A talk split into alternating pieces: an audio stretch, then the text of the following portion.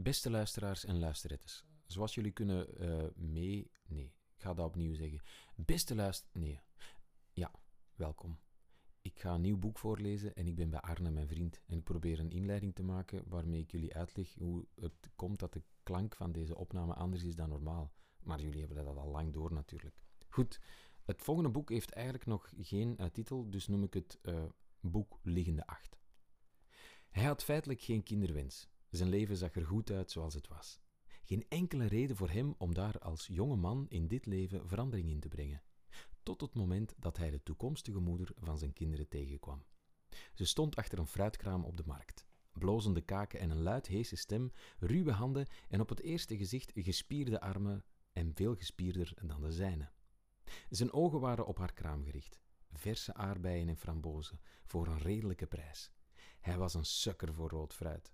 Pas toen hij zijn keuze had gemaakt en zijn zorgvuldig uitgekozen bakjes overhandigde aan de dame achter de fruitkraam, kruiste haar blik voor het eerst. Nee, kruiste hun blikken voor het eerst. Dat is weer slecht voorgelezen.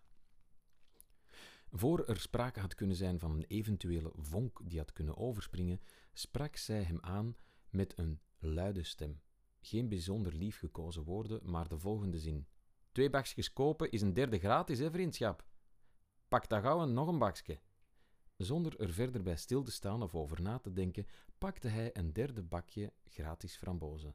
Terwijl ze de bakjes in een papieren zakje deed, haalde hij zijn portefeuille boven en zocht naar het af te rekenen bedrag. Omdat hij haar graag nog eens aan het woord wou horen, vroeg hij naar de prijs. Hij wist dat het 6 euro zou zijn, aangezien het 3, bakje, 3 euro per bakje was. Maar omdat na de vorige zin die uit haar mond kwam, als oh, godverdoemen, ik sta echt kerslicht om voorlezen. Sorry, luisteraars, luister. Het is spanningsboog naar de vaantjes. Zelfs Arne moet lachen. Oeh, ik ga er toch een beetje in moeten knippen. Ah, fuck. Hij wist dat het 6 euro zou zijn, aangezien het 3 euro per bakje was. Maar omdat hij na de vorige zin die uit haar mond kwam al zo onder de indruk was van haar stem, vroeg hij dus. Verbaasd keek ze hem aan, terwijl ze hem de bruine papieren zakjes met de frambozen aangaf. Maar alleen, meneer, rekenen is precies niet uw sterkste kant. Kom, 3 euro per bakje, twee bakjes, derde gratis. Dat is dan 9 euro, hè? Huh? Ik zou zo denken 6 euro als het eentje gratis is. Ah, je kunt dus toch rekenen. Ze glimlachte en gaf hem 4 euro terug. Hij had haar tijdens het gesprek een briefje van 10 euro gegeven. Omdat hij het gesprek gaande wou houden, bedacht hij snel een reden om nog iets te vragen. Hij vond er niks beter op dan wat hij op die korte tijd had kunnen bedenken. Op welke markt staat gij nog? Ze glimlachte en had alweer een antwoord klaar. Gaat je geen week toekomen met drie bakjes misschien?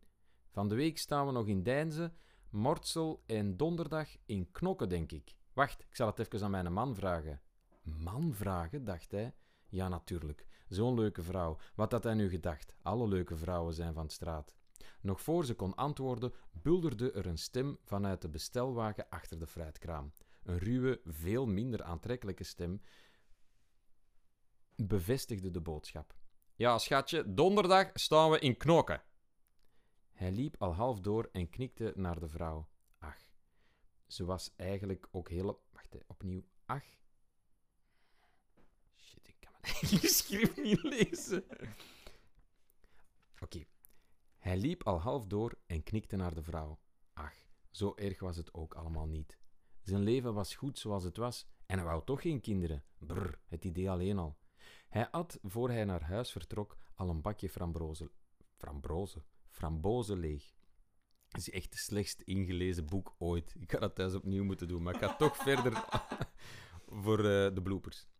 Hij besloot de rest voor thuis te houden, maakte het slot van zijn fiets los, plaatste de resterende bakjes zorgvuldig in zijn fietstassen, doordat ze in een bruine papieren zakje zaten.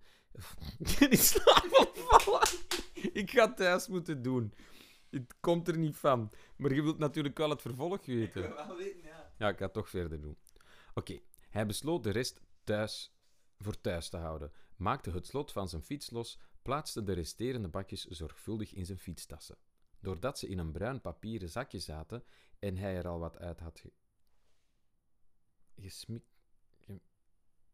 en hij er al wat mee had gewandeld, had... zaten er wat rode vlekjes op het papier. Als ik ze straks niet opeet, dacht hij, zijn ze niet meer lekker. Hij haastte zich naar huis en probeerde door zijn snelheid de, de wind extra in zijn gezicht en door zijn haren te laten gaan. Het hielp. Thuis aangekomen was hij haast vergeten dat er frambozen in zijn fietstassen zaten. Pas toen hij zijn handen waste en een rood vlekje op zijn hand zag, dacht hij er terug aan. De twee bakjes in de bruine zakjes zitten nog in mijn fietstas. Hij ging ze halen, plofte neer op de bank en at de twee bakjes leeg. Het was eigenlijk wat te veel, maar dat wou hij zelf niet toegeven. Een week later was hij terug op de markt. Deze keer kocht hij geen frambozen, maar een rijpe ananas. De vrouw probeerde hem nog een ander fruit te verkopen, maar hij gaf niet in. Eén ananas, dat is meer dan genoeg. Oké, vriendschap, tot volgende week. Tot volgende week, mevrouw. Dat was het. Super slecht voorgelezen.